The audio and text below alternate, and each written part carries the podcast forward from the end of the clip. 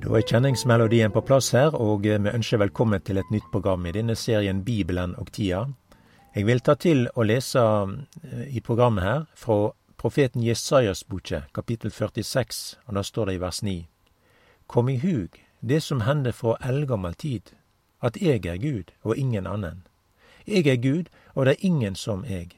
Jeg som fra opphavet forkynner enden, og fra fordums tid det som ikke har hendt. Det er eg som sier, mitt råd skal verta fullført, og alt eg vil, det gjer jeg. Eh, Bibelen er jo ei bok om Guds seier. Alt i Edens hage så vert det jo omtalt at slangen og djevelen kjem til å lide et stort nederlag. Det skal komme ein ifra kvinnas siett, og han skal knuse slangens hovud. Og det er det som er lest her ifra profeten Jesajas boke, det som for begynnelsen forkynner enden. Og dette er jo et tema både i Første Mosebok, og det er et tema her i Johannes' åpenbaring. Djevelen og Satan, den falske profet og antikrist, det er noe som har med tap å gjøre. Det har aldri vært noe lukka med å følge djevelen og verden. Vi kan jo òg godt lese hvordan Antikrist vil lide nederlag for Herren. Det skjer ved at Herren puster på han. Jeg skal lese ifra andre Tessalonika-brev, kapittel eh, to av vers åtte. Da skal den lovlause åpenbærast, han som Herren Jesus skal ødelegge med pusten fra munnen sin, og gjere til inkje når han hans atterkomme verta eh, åpenbæra i herligdom. Den lovlause kjem etter Satans verksemd med stor makt i løgn og tegn og under. Så vi tar òg det som står med her i åpenbaringen, kapittel 19 av vers 19. Eg såg dyret og kongane på jorda med hærene deira samla til krig mot han som set på hesten, og mot hæren hans. Og dyret vart grepe, og saman med det den falske profeten. Han hadde gjort tegn for auga på dyret, og med desse teikna hadde han òg forført dei som tok merke åt dyret og tilba bildet av det. Desse to vart kasta levande i eldsjøen som brenn med svovel. Og jeg synes det er veldig greit å lese om at djevelen og Antikrist, de har ingen framtid. Han har tapt. Han er knust ved Herren Jesus. Det er seiershelten fra Golgata. Det er han som eh, døde på et kors. Det så også ringe ut der i Betlehem og i stallen og oppvekstkornet der i Nasaret. Men eh, menneskesonen hadde heller ikke noe å holde hovedet sitt til når han var her i tida. Det var ingen kongekrone Jesus fikk med sitt første komme. Det var ei klungerkrone. Han vart rekna blant forbrytarane. Men døden fikk jo sjokk, og de ante jo uråd i møte med Jesus da. Jesus tok nøklene til døden og dødsriket. På krossen så er avvæpna Jesus makten og myndighetene og stilte det åpenlyst til skue, da han viste seg som seiersherre over dei på krossen. Ingen er som Jesus. Og det er denne Jesus som skal verta åpenbæra på nytt. Og det betyr at en skal sjå Jesus sånn som han er. Det betyr at det som er vært skjult, det skal verta åpenbæra. Ein dag vil en sjå det som en trudde her. Ein dag ville verta kjent for vantrua, for den som ikkje ville tru, at Jesus er veien, sanninga og livet. Og det er jo ikkje berre for nasjonar og menneske at Jesus skal verta åpenbæra, men også for den lovlause. Den lovlause skal verta knust ved at Herren Jesus skal puste på han. Ja, alt dette her skjer når Jesus kjem igjen det er når Han skal verta åpenbæra. Det var det vi leste. Og det sier vi også i det som har med trusvedkjenninga, at Jesus skal komme igjen og dømme levende og døde. Dette her er jo veldig komprimert sagt, da, men det bærer med seg denne vesentlige sanninga. Jesus kjem igjen. Og da er det til Oljeberget. Og det er jo også sagt her i Åpenbaringen kapittel 1 og vers 7 der. Sjå han kjem med skyene, og kvart auga skal sjå han, også dei som har gjennomstunga han. og alle folk på jorda skal gråta sårt over han. Ja, amen. Så når Jesus kjem igjen, så er det også omtalt her i kapittel 19 i Johannes' åpenbaring. Det er jo denne rytteren på den hvite hesten, og det står der i vers 11 der. Og jeg så himmelen åpna og sjå, en hvit hest, og han som set på den, heter trufast og sannferdig, og han dømmer og strider med rettferd. Auget hans er som eldslåge, på hovedet hans er det mange kroner. Han har ei innskrift som, med et navn som ingen kjenner uten han sjølv. Han er kledd i en klednad som er dyppa i blod, og navnet hans er Guds ord. På klednaden sin og på hofta si har han et navn skrevet, konge over konger, herre over herrer. Og dette er det er jo eh, sagt, og det er profetert om Jesus, det er hans gjenkomst.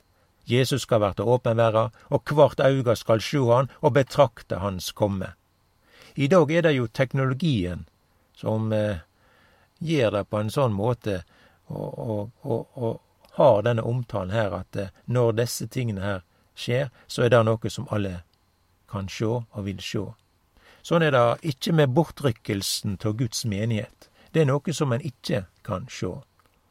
Eh, disse begivenhetene er jo omtalt eh, at det skjer i en augneblink, i et nu. Og ordet som er brukt for å skildre det, det er ordet atom, og det betyr at det skjer veldig hurtig. Og det har da med Jesus sitt komme i luften, og det ærene han har da, det er å hente menigheten, brudeskaren, heim. Og da er det en begivenhet som kan skje hva tid som helst. Jeg skal ta oss og lese disse ordene her fra første Korinterbrev, kapittel 15, av vers 51 der. Sjå, jeg sier dykk en løgndom. Vi skal ikke alle sovne inn, men vi skal alle verte omskapte i et no i en augneblink, ved den siste basunen. For basunen skal ljoma, og de døde skal stå opp, uforgjengelig, og vi skal verta omskapte. Og her forteller da apostelen at dette her da er en hemmelighet. Eh, når denne saken da er blitt eh, kjent, kan du si, altså hemmeligheten, eh, vi må da ikke undre oss over da at det står ikke noe om bortrykkelsen av Guds menighet i Moselova eller salmene eller profetene. Ja, heller ikke i evangeliene er dette temaet omtalt. Men så kjem da denne her apostelen Paulus, og så skildrer han disse tingene her.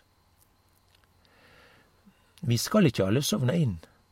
Og dette med å sovne inn, det har da med døden å gjøre. Så det her er det noen da som ikke skal dø. Det vert på samme måten som vi leser om Enok som vandra med Herren. Så vart han borte, for Gud tok han til seg. Han så ikke døden. Og sånn vil det òg være med Guds menighet og de som ja, lever når Jesus kjem. Men vi skal alle verte omskapte ved den siste basun, for basunen skal ljoma. Og det er jo ingen tvil om at det er verdt sånn som Herren han har sagt det. Vi ser at alt det som vart sagt ved Jesus sitt første komme, det vart oppfylt. Og det er ingen grunn til å, eh, ja, å tro at det ikke kjem til å skje ved Jesu gjenkomst. Gud han har sagt alt på førehånd. Og Bibelens Gud, Israels Gud, er den trufaste Gud. Og det som er saken, det er at det vert alltid sånn som Herren han har sagt det. Det er jo mange ting som vi ikke forstår angående endetida og begivenhetene og sånt, da. Men Herren, han har regien, og han har oversikten og kontrollen. Og det er veldig viktig at vi gjør oss kjent med de kommende ting. Og Derfor har Herren gjev oss denne boka, Johannes' åpenbaring. Og det er jo opplagt òg når vi ser Israel, vi ser Jerusalem, vi ser jødene, så er dette her et veldig tegn i tida. Det streker under at Bibelen er sann. Her faller den ene profetbrikken på plass etter den andre. Det er ei pålitelig bok. Så gir vi oss kjent med når Jesus kommer igjen. Så er det òg at den vonde, han vil bli knust. Og det gir oss mange forbilder på disse tingene her, da. Vi kan for eksempel eh, nevne jødene sin utgang fra Egypten. Det er jo skildret her fra andre Mosebok, kapittel 14. Da står det at Eg vil forherde hjertet til farao, så han forfølger deg, og jeg vil syne herligdommen min på farao og heile hæren hans, og egypterne skal kjenne at jeg er Herren. Og de gjorde så. Utgangen fra Egypten, hvordan Herren han utfridde folket fra trellekårene under farao, og så leser vi da videre her i vers 31. Da Israels da Israel så hvordan Gud syntes si mektige hand mot egypterne, fikk folket age for Herren. De trodde på Herren og på Moses, tjeneren hans. Så det må være underlig å sett hvordan Herren han førte folket ut fra Egypten. Og dette her, det skapte age for Herren. Og det er jo dette som vil skje når, når, når Jesus kommer. kjem, Herrens komme. Det skjer i Jerusalem, det er på Oljeberget, det skjer for alles auge. Teknologien gjør det sånn i dag at dette er noe som alle kan sjå. Det er en mulighet for det. det, det og det er Jesus som kjem. Det er jødenes konge, og hvert auge skal sjå han. Israel skal sjå opp til han som de har gjennomstunget, og de skal se sjå opp og aldri verte til skamme. Og det som vi ser her, det, det har med Israel, det har med Jerusalem, det har med det jødiske folket. I dag så er det veldige krefter som er virksomme på å stoppe Guds planer. De prøver å hindre disse begivenhetene. Og Derfor er det mange også som ja, de ønsker å ta Jerusalem bort fra jødene. Og det er virksomme krefter som ønsker å ta landet fra jødene.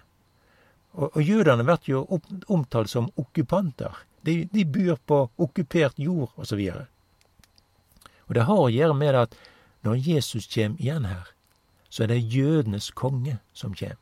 Og det er de som skal sjå opp til han og Herren sjøl skal renne ut over dei bønnen og nådens ande.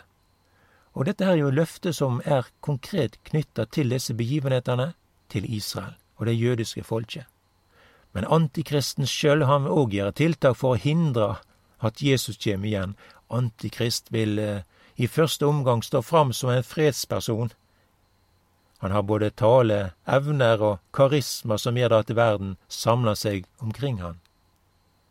Han har eh, lukkast med strategien tidligere, og den vonde, han gjør det på nytt. Men Antikrist, han gjør alt det som tjener til hans egen fordel. Han er det som vi omtaler som en egoist. Han ønsker tilbedelse og makt, og dette er òg noe som vert gjeve han. Men eh, vi kan òg lese da at eh, han gjer pakt med Israel.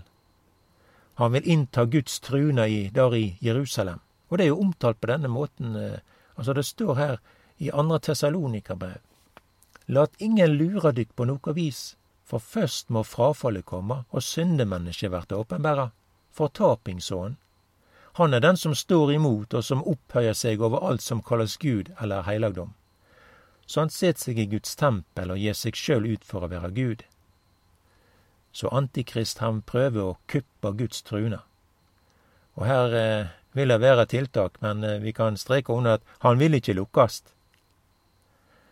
Men les da at når han vil sette seg i Guds tempel, så er jo det òg uttrykk for at her vil det komme et nytt tempel i Jerusalem. Og Antikrist han vil prøve å få rom og innflytelse. Og eh, den vonde, han vil heile tida prøve å ta Guds plass. I dag så ser vi Klippemoskeen der i Jerusalem, det står jo da på tempelområdet der i byen. Og det er uttrykk for akkurat det samme. En ønsker å ta Guds plass og Guds trune. Det er strategien.